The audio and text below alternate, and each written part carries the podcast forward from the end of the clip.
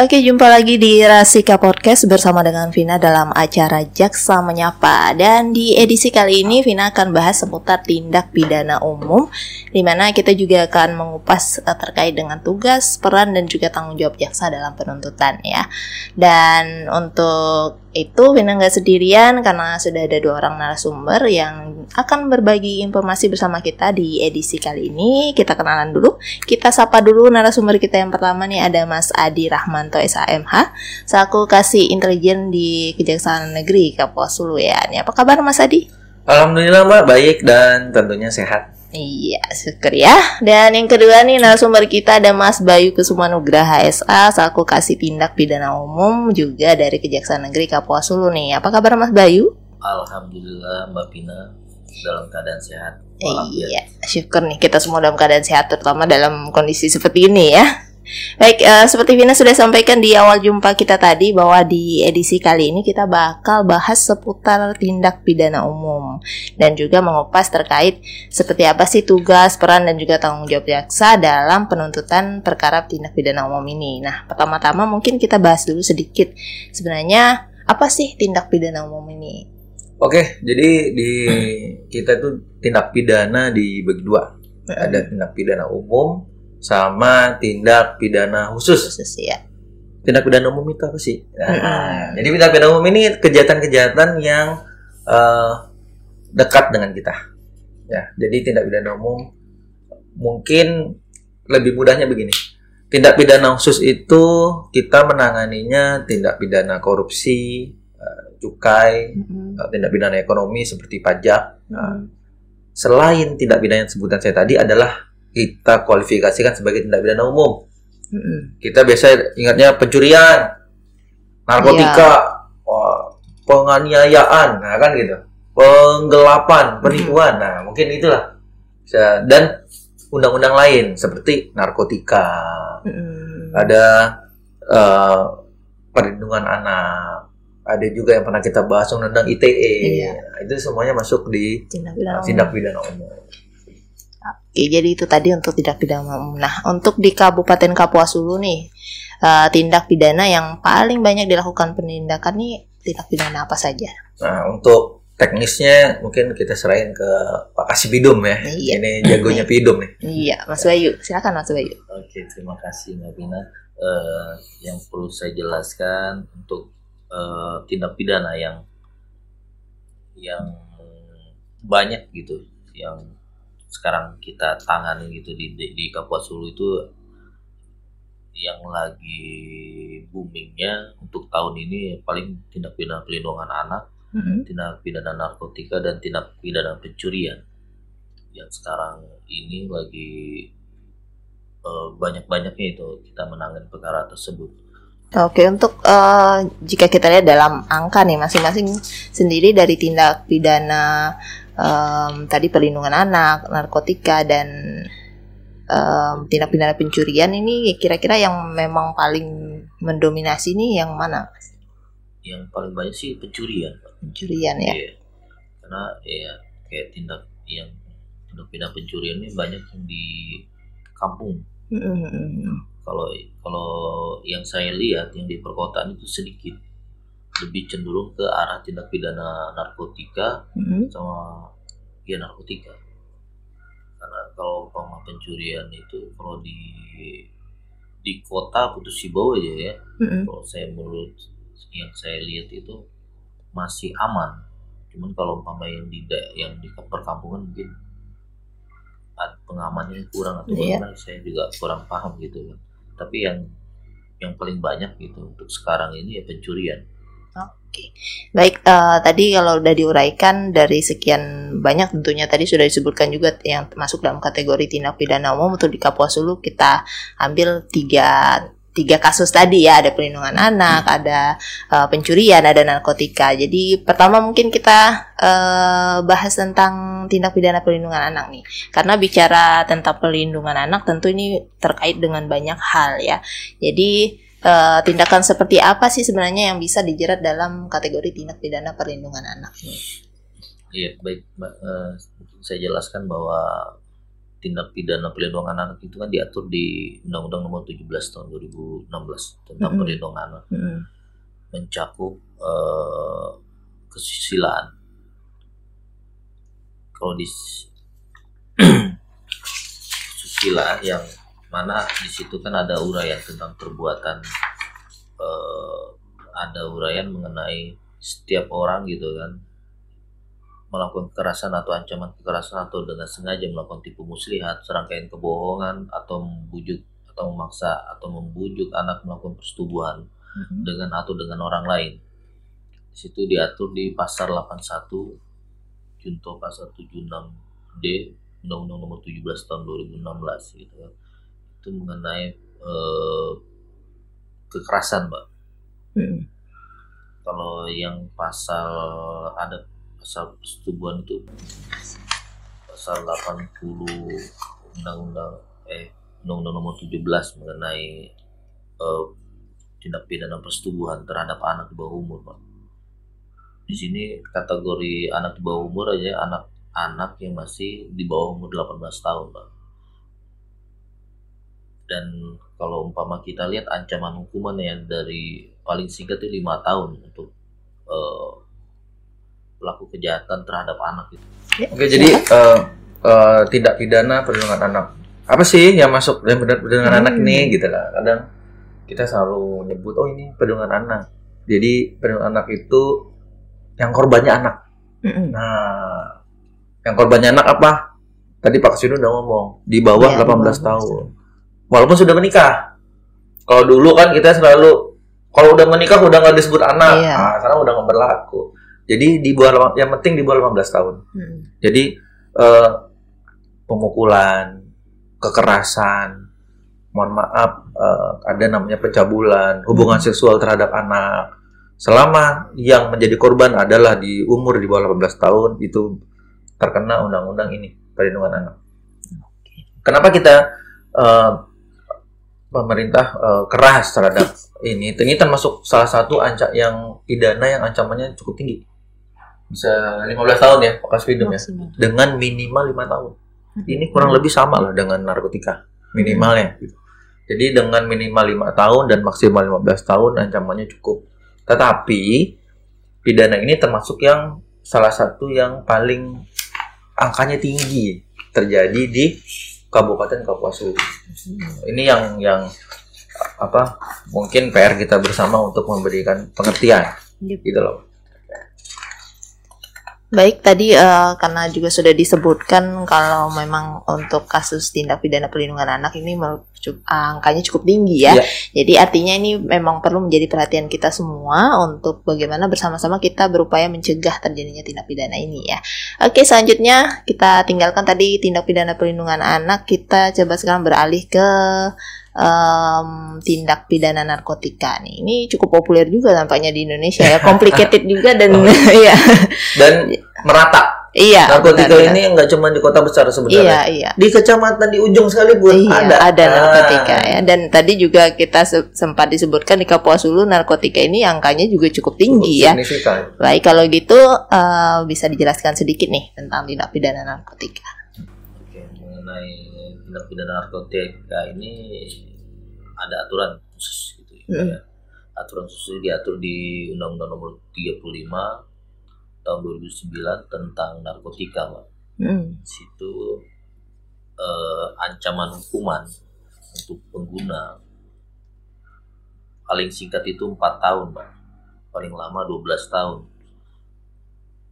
Dan ada undang-undang yang lebih keras lagi untuk eh, pengedar itu undang-undang eh, pasal 8 114 yang mana ancaman hukum- hukuman itu 20 tahun hingga seumur hidup atau hukuman mati juga ini kan kita kalau umpama kita lihat undang-undang ini sudah keras gitu Mbak, ya. Iya. ancaman hukumannya udah ada minimal cuman ya kalau kita lihat eh, perkembangan saat ini gitu kan Mm-mm. Ya baik di kota maupun di daerah itu cenderung sama gitu Iya. perbuatan atau eh, tindakan yang apa nih yang masyarakat lakukan gitu eh, terutama untuk narkotika ini dari pengguna maupun pengedar itu kalau menurut saya sama sama aja kan Hmm. berdasar pengalaman saya gitu di daerah-daerah terpencil itu ya kalau di Kalbar ini termasuk tinggi gitu Mm-mm. eh, pengguna maupun pengedar Gitu. saya kira ya kayak di Putus Sibau ini kan daerah yang terpencil gitu kan Eh, ya pengguna itu sedikit lah gitu kan karena jauh juga kan dari pusat kota Hmm. itu kan jauh dari pergaulan bebas gitu kan tapi ternyata yang ya kita tangan untuk untuk di Putus Sibau ini penanganan itu pengguna pengguna maupun pengedar itu banyak Banyak. ya mungkin eh, ya kita himbau juga untuk masyarakat ini kan eh, harus berhati-hati lah atau eh, untuk orang tua gitu harus lebih menjaga anak itu kan Hmm. maupun keluarga agar tidak terpengaruh untuk narkotika ini mbak karena susah dikontrol itu mbak Iya. jadi kan anak-anak ya umur-umur berapa belasan tahun ya udah mengenal narkotika gitu kan walaupun daerah terpencil begitu kan untuk sekarang ini eh, banyak pelaku gitu pelaku itu ya untuk ini banyak dari lingkungan tempat-tempat hiburan malam aja sih. Mm-mm. Cuman kalau umpama pengedar itu banyak orang luar luar Putus Sibau yang apa nih yang kita jerat pidana terhadap pelaku ini mungkin ya himbauan ki- kita eh saya selaku tin- kasih tindak pidana umum ini ya untuk ya adalah eh, edukasi untuk eh, perhatian dari pemerintah gitu Mhm. untuk penanganan narkotika ini agar tidak meluas gitu kepada kepada masyarakat ini itu mbak Oke, nah untuk narkotika juga jadi catatan kita memang mungkin jauh dari perkotaan tadi, cuman kita ini wilayah perbatasan ya, jadi Nah, mungkin nah mungkin bukan dari ibu kota kita sendiri, malah dari negara tetangga mungkin aja kan Jadi, ini tadi. apa memang eh, untuk narkotika ini memang tadi kita udah bilang bahwa memang ini sudah merata. Mm-mm. Kita memang jauh dari ibu kota provinsi, tetapi tidak menutup fakta bahwa memang kita adalah daerah Perbatasan, perbatasan, gitu. iya. Ini kan sangat rawan karena narkotika nih kalau bisa dibilang udah jaringan internasional. Iya. Tadi sudah disebutkan bahwa pengedar ini rata-rata orang dari luar. Mm-mm. Ah, kayak fenomena gunung es kelihatannya sedikit tetapi Iya, ternyata ternyata udah. udah udah menyebar jadi eh, narkotika sangat eh, apa ya untuk yang mungkin masyarakat eh, remaja tanggung rasa ingin tahu pasti tinggi Mm-mm. tapi ketika sudah sekali terjerumus sulit untuk keluar Hmm. sementara untuk lihat dari sisi ekonomi narkotika ini termasuk komoditi yang yang mungkin gampang untuk mendapatkan untung kali ya Mm-mm. jadi makanya banyak orang yang pengen menggunakan maupun ya tadi jual beli tanpa disadari bahkan menjadi perantara dalam jual beli saja bisa di Jerat. Iya. begitu loh. Nah itu, itu yang yang masyarakat har- har- harus mengenal. Jangan sampai oh putus sibau eh, aman di sini gitu loh. Enggak. Kita tetap bisa kasih hukum maksimal buat para pelaku yang narkotika ini Nah mungkin eh, bisa minta tambahan penjelasan sedikit nih. Mm-mm. Kan sering juga dengar nih kalau bicara narkotika nih biasa eh, ada dibilang golongan satu, golongan dua, golongan tiga. Nah ini yang masuk kategori golongan satu, dua atau tiga. Kadang kan ada juga yang dia mengakunya saya ini hanya mengonsumsi obat penenang. Ternyata Ya. itu masuk kategori narkotika Ya, seperti itu mas. Jadi untuk eh, golongan 1 2 3 itu sudah diatur di Undang-Undang Narkotika ya nomor 35 tahun 2009. Ada lampirannya. Ini sebenarnya saya bawa bawa. Jadi mungkin teman-teman bisa googling, bisa googling gitu loh. Di dalam undang-undang ini ada tiga golongan. Gitu. Golongan satu, golongan dua, golongan tiga. Nah, Mana yang boleh, mana yang tidak, sebenarnya tidak boleh semua. dari dari user ya, dari kita yang saya pengen minum obat, ntar saya cek dulu deh. Sekarang kan udah terkenal sanak, habis itu tramadol obat-obat yang Iya, iya. yang mungkin bisa dijual dengan resep dokter tetapi disalahgunakan pemakaiannya. Hmm. Kan sebenarnya menghindari mungkin ini bukan sabu-sabu loh, Iya, bukan iya. ekstasi, Iya, tetapi ganja. ternyata tanpa disadari itu include di dalam undang-undang narkotika. Nah, Hmm. itu dia yang eh, banyak yang terjebak, terjebak seperti itu. Jadi sebelum kita mengkonsumsi ya, Hmm. mengkonsumsi ada baiknya dikenali Iya. terlebih dahulu. Betul, betul, betul. Oke, baik kalau gitu kita ke tindak pidana berikutnya nih. Tadi juga sudah disebutkan nih cukup banyak juga, khususnya di Kapuas dulu, di Putus Ibo, apalagi, apalagi juga di eh, misalnya kecamatan ataupun desa ya. Tadi ada tindak pidana pencurian. Kalau dengar soal kasus pencurian, saya juga sering dengar nih, ada pencurian ringan, ada pencurian dengan kekerasan. Jadi ini banyak jenisnya kayaknya ya. Jadi mungkin bisa dijelaskan dulu nih tindak pidana pencuriannya apa apa saja sih? Eh, mengenai tindak pidana pencuri ini kan eh, apa diatur gitu di KUHP mana eh, pasal terkait dengan pencurian itu ada ada beberapa pasal itu pasal Mm. 362, 363, 364 sampai 365 KUHP gitu. Di sini eh, kalau 362 tuh pencurian termasuk pencurian ringan lah gitu. Tapi Mm. bukan bukan merupakan pencurian bukan pelanggaran karena di situ karena ada unsur-unsur yang yang mana ada aturan mengenai batas minimum barang itu kan dua Mm. dua juta setengah kalau umpama di aturan itu di mahkamah kemarin sudah diputus sama mahkamah konstitusi mengenai eh, tindak pidana pencurian yang bisa di, diadili di persidangan dengan minimal kerugian korban itu dua juta setengah pak kalau umpama pasal 363 ini menyangkut eh, istilahnya perbuatan Mm. perbuatannya bagaimana cara kan ada di situ kalau orang mencuri kan membobol membobol apa nih eh, rumah Mm. dengan cara menghancurkan atau apa gimana dan dilihat juga dari waktu juga kalau yang pencurian pemberatan itu menyangkut di 363 juga itu Mm. Eh, dengan ancaman hukuman yang kita lihat kan paling lama tujuh tahun Bang. 0 sampai 7 tahun kalau umpama ayat pencurian ringan itu 0 sampai 5 tahun Mm. terus ada yang juga eh, di sini pasal 365 itu Mbak KUHP itu men- mengenai pencurian dalam kekerasan atau perampokan itu Mbak. Mm. Nah, itu bisa dikenakan dengan pasal 365 itu eh, ancamannya juga berat Mbak 0 sampai 12 tahun dan mengalami luka-luka berat gitu kan Mm. dengan uraian korban itu mengalami luka berat terus kerugian juga dialami korban jadi kalau kita apa nih kalau jaksa gitu menuntut untuk eh, pencurian dan kekerasan ini mungkin Mm. ancamnya lebih berat untuk kita, untuk kita laksanakan juga kalau penuntutan gitu kan Mm. karena lebih lebih besar apa nih lebih besar kerugian gitu kan dari eh, korban itu mengalami luka-luka Iya. atau mati kan ada biasanya model gitu Iya, iya.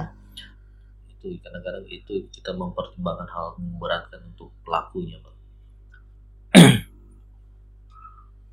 dan di di sini kan cenderung kalau umpama pencurian dan keberatan itu belum ada sih kalau umpama saya selama ini saya menangani kalau di sini cuma ada pencurian Ringan. ringan aja mbak kayak bobol rumah Mm-mm. ya kan pencurian uang gitu kan atau barang gitu Mm-mm. kan ya.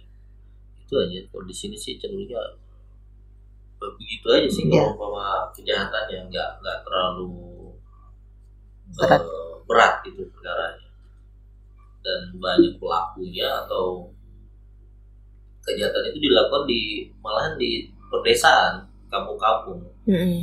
yang saya lihat atau nggak tahu di perkampungan itu atau kurang eh, pengawasan atau kurang keamanannya atau bagaimana kan? Saya juga Iya. nggak ngerti. Tapi ya Iya, kalau umpama lihat pelakunya itu nekat. Kalau menurut saya sih orang bukan bukan orang jauh juga pelakunya. Orang-orang kampung itu Iya, juga. orang situ. dan cenderung juga yang yang melakukan itu residivis berulang-ulang. Sudah masuk sudah kita Hmm. tuntut atau kita putus ya kan pengadilan terus keluar berulang Lagi. itu orang-orang itu aja gitu ya nggak tahu bagaimana eh, iya pengawasan gitu kan dari pihak-pihak keamanan bagaimana kita juga nggak kurang tahu ya di sini bagaimana tapi kalau mau untuk daerah kota masih ter- termasuk aman sih kalau menurut saya kan di sini kan kalau nyimpan motor di Iya. luar aja aman Iya. Pakai kunci lagi. simpan dikasih kunci Iya. kalau di daerah kalau di kampung-kampung kalau saya lihat itu apa nih malahan ya rumah dikunci aja masih bisa mau dibobol sama dia Iya. Kalau kita- kalau di Betul. kota kenapa Malah lebih malah ini lebih ya. aman gitu kan mungkin begitu pak ada tambahan mungkin dari Pak Kasinal Pak Jadi eh, eh, contoh nih ya, ya kita tindak pidana pencurian ini kan yang deket banget, deket banget sama sama kita. Mm. Yang dimaksud mencuri itu apa sih, gitu loh kan? Jadi mencuri itu kan mengambil barang milik orang lain ya. untuk dikuasai sama dia. Jadi untuk secara melawan hukum. Tadi udah disebutin ada beberapa pasal. Mm. Pasal terkenal paling terkenal ya pasal 363. Nah, Iya. Jadi ada pasal 362 itu kalau nyuri. Contohnya apa sih 362? 362 itu benar-benar mencuri. Jadi memang di tempat yang luar kita ambil barangnya, Mm. kita bawa pulang. Seperti misalnya kotak amal kan kita sering nonton Iya, nih kotak iya, amal iya, dicuri. Nah, itu masuk 362. Ancamannya lima tahun. Jadi di- yang bisa naik di pencurian di, di perkara pencurian yang kita sidang ini yang uh, kerugiannya di atas 2.500. Mm. Jadi nggak ada cerita kalau dulu kan curi sendal jepit Iya. dilaporin polisi, dia curi Iya. semangka. Jadi eh, sud- sudah dibuat eh, eh, sekat yang jelas kerugian yang di atas 2.500 yang bisa naik ke pencurian kita. Kalau nggak itu masuk ke pencurian ringan. Mm. Jadi walaupun di bawah 2.500 tetap bisa ditanganin, Mm. tapi namanya pencurian ringan. Itu di 364. Nah, 363, 363 ini salah satunya adalah pencurian ternak. Gitu loh Mm. kita punya ternak dicuri itu Hmm. masih 363 363 ini ancamannya lebih tinggi tadi 3625 tahun 363 7 tahun Tujuh tahun, ya. Yang masuk ke rumah gitu kan masuk ke rumah malam-malam Mm. oh, bongkar rumah gitu kan yang dilakukan oleh dua orang nah habis itu jadi curi motor nah itu kita kenakan ke 363 karena curi dengan merusak gitu loh curi motor masuk ke rumah terus ada 365 Mm. yang eh 9 tahun sa- pasal 2-nya yang 12 tahun. Apa tuh 365? Begal contohnya. Begal, rampok itu pencurian dengan kekerasan. Mm. Jadi itu yang yang apa sudah diakomodir sebenarnya. Ada juga satu lagi 367. Apaan tuh 367? Pencurian dalam keluarga. Wah. Nah, gitu. Wah. Pencurian dalam keluarga. Apa sih pencurian dalam keluarga? Gitu loh. Jadi pencurian dalam keluarga ini deliknya aduan. Gitu. Jadi bisa dicabut. Nah, Terkadang mungkin ini ada beberapa contoh ya, Yuda ya. Jadi yang mungkin anggota keluarga yang melakukan pencurian Mm. untuk dikasih efek jerak, ini orang tuanya melaporkan kan gitu ya biar mungkin si anaknya tidak mengulangi Hmm. kembali. Nah itu yang yang eh, pencurian aja macam-macam nih sifatnya. Nah, belum nanti kita eh, pencurian itu ada pembantu pencuriannya gitu. loh. Jadi untuk Putus Ibau sendiri di kota Putus Ibau angkanya sangat rendah. Alhamdulillah kita termasuk yang aman. Mm. Tetapi di malah di kecamatan-kecamatan yang kok angkanya tinggi, tinggi. Nah, angkanya tinggi. Saya ini yang harus menjadi perhatian. Kita nggak usah ngomong ke orang lain, tetapi Mm. kita yang perilaku safety terlebih dahulu mungkin ya. Nah, seperti itu. Oke. Oke, nah tadi udah kita ambil tadi tindak pidana yang paling banyak ya dilakukan penindakannya di Kabupaten Kapuas Hulu sendiri. Dan berikutnya nih sedikit mungkin dikasih uraian apa sih sebenarnya tugas, peran dan juga tanggung jawab jaksa dalam uh, penuntutan perkara tindak pidana umum. Nah, jadi kalau jaksa kita selalu berbicara sebenarnya jaksa itu yang di persidangan. Nah, inilah dia. Nah, jaksa yang sidang karena teman-teman di Bidum ini melakukan tugas penuntutan. Mm-mm. Jadi eh tahapannya ketika ada kejadian pencurian misalnya, ada kejadian pencurian, korbannya melaporkan ke teman-teman di kepolisian, Mm-mm. nanti kepolisian akan mengumpulkan alat bukti. Nah, Hmm. mungkin kita sering dengar ini sudah mencukupi dua alat bukti. Iya. Nah, begitulah. Nanti dari teman-teman kepolisian akan bikin berkas perkara. Mm-mm. Berkas perkara itu yang diserahkan ke kami. Kami teliti. Ketika ada kekurangan tidak lengkap, kami kembalikan untuk dilengkapi. Mm-mm. Kemudian setelah lengkap, kami P21. Nah, berkas lengkap dan siap untuk dilimpahkan ke pengadilan. Di pengadilan kami sidangkan, Mm-mm. penuntutan ada di kita, keputusan ada di hakim, kembali lagi kami yang mengeksekusi terhadap putusan. Dalam melakukan penuntutan, seperti apa? Nah, mungkin Pak Kasbidung bisa menjelaskan apa sih yang menjadi pertimbangan kita dalam penuntutan Hmm. ini? Ada perlu kita eh, saya jelaskan dulu mengenai tindak proses gitu kan tahapan. Di tindak pidana umum ada tahapan di mana tahapan itu yang harus kita lalui. Ada tahap peratur pra- penuntutan tahap penuntutan dan eksekusi. Mm-mm. yang mana di peratut ini kan kita eh, kita menerima SPDP gitu kan.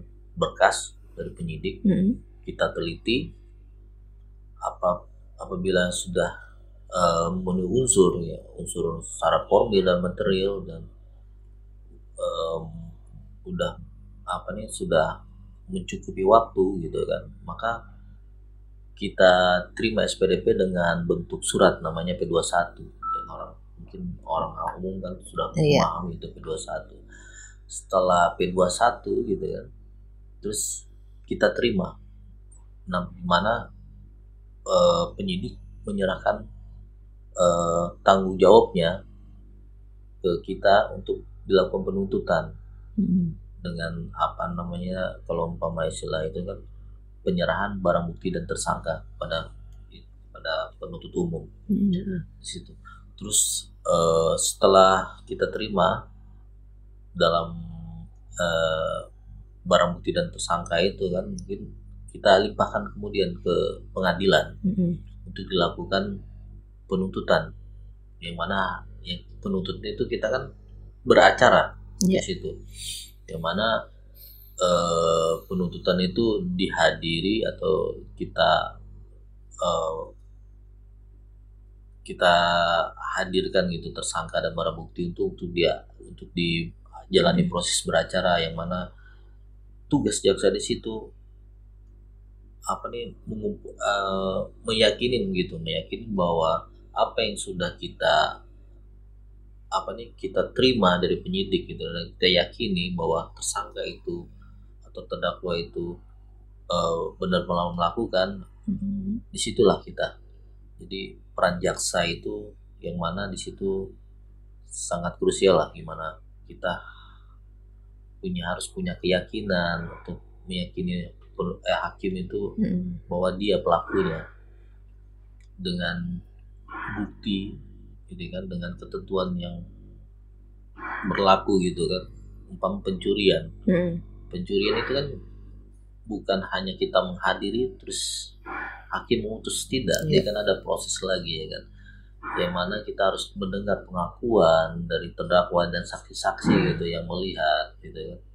Itu setelah ya setelah eh, menjalani proses gitu kan penuntutan itu kemudian hakim melakukan putusan yang mana ya hakim dengan hati nuraninya dengan Hmm. keyakinan dia dia menentukan lah apakah pelaku itu eh, benar-benar salah apa tidak gitu.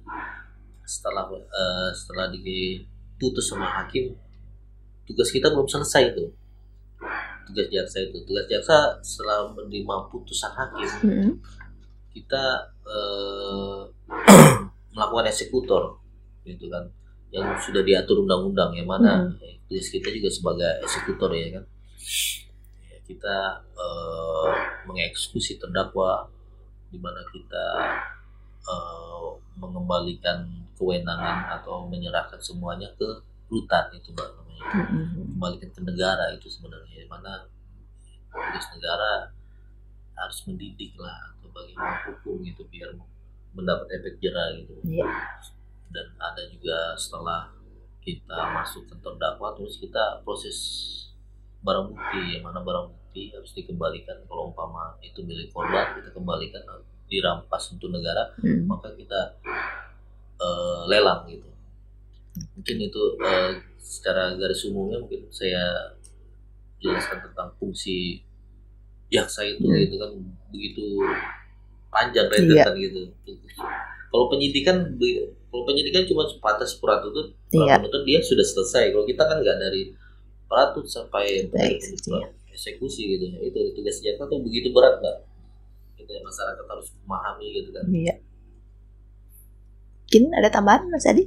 Eh, jadi eh, ketika tuntutan sebelum menuntutan mungkin kita sering melihat kok eh, pelaku ini dituntut cuma segini Hmm. pelaku itu dituntut segitu nah Iya, iya, selalu jadi- menjadi perbandingan bahkan di dalam perkara 363 pun perkara pencurian ataupun perkara narkotika tentu ada pertimbangan eh, mengapa tuntutannya berbeda-beda Hmm. gitu walaupun tetap dalam koridor ya Hmm. karena kayak narkotika kita kadang uh, melihat barang buktinya Iya. barang bukti yang cuman mungkin satu gram tentu akan berbeda dengan barang bukti yang 5 kilo Iya. nah begitu jadi ada ada ada pertimbangan begitu Hmm. juga dengan dengan pencurian kerugian korban yang 3 juta mungkin cuman hilang handphone dengan Hmm. korban yang hilang motor Hmm. tentu berbeda.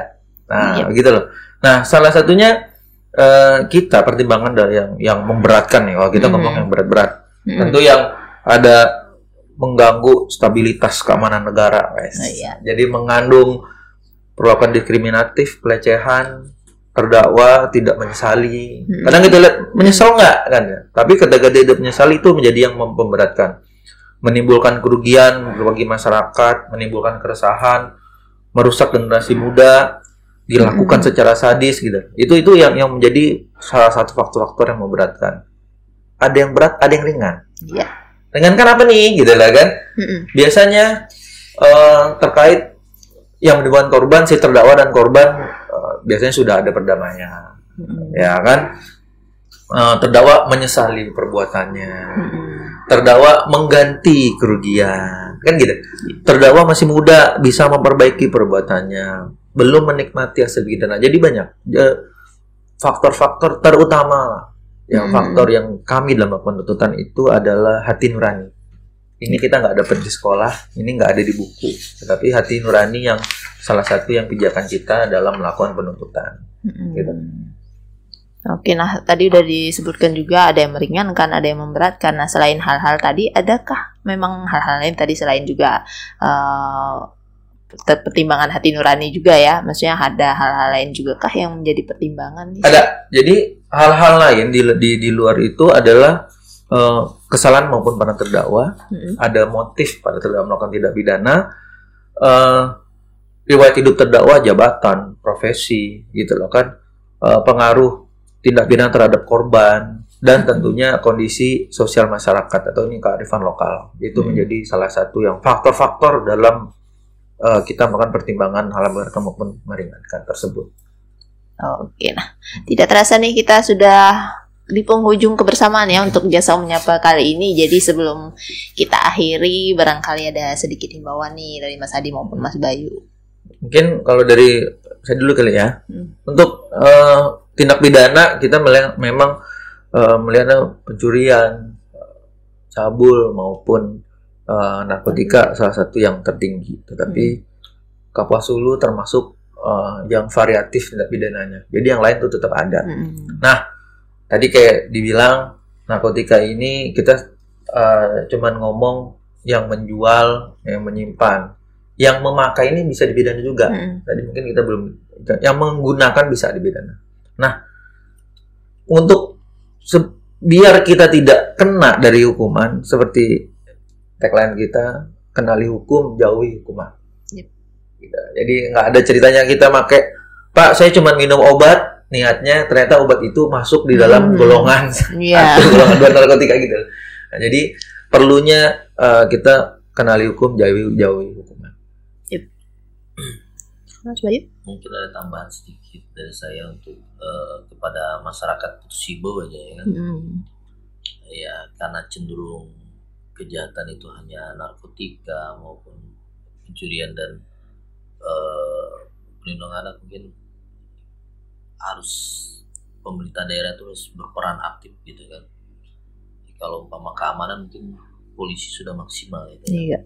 cuman di di pemerintah daerah juga harus peran aktif yang mana harus mengedukasi kepada masyarakatnya bagaimana apa nih untuk menghindari ya kejahatan-kejahatan hmm. seperti itu ya kan dan juga oh, mengawasi gitu kan mengawasi masyarakatnya biar terhindar lah dari perbuatan kejahatan seperti narkotika, pencurian, hmm. mau perlindungan anak gitu kan.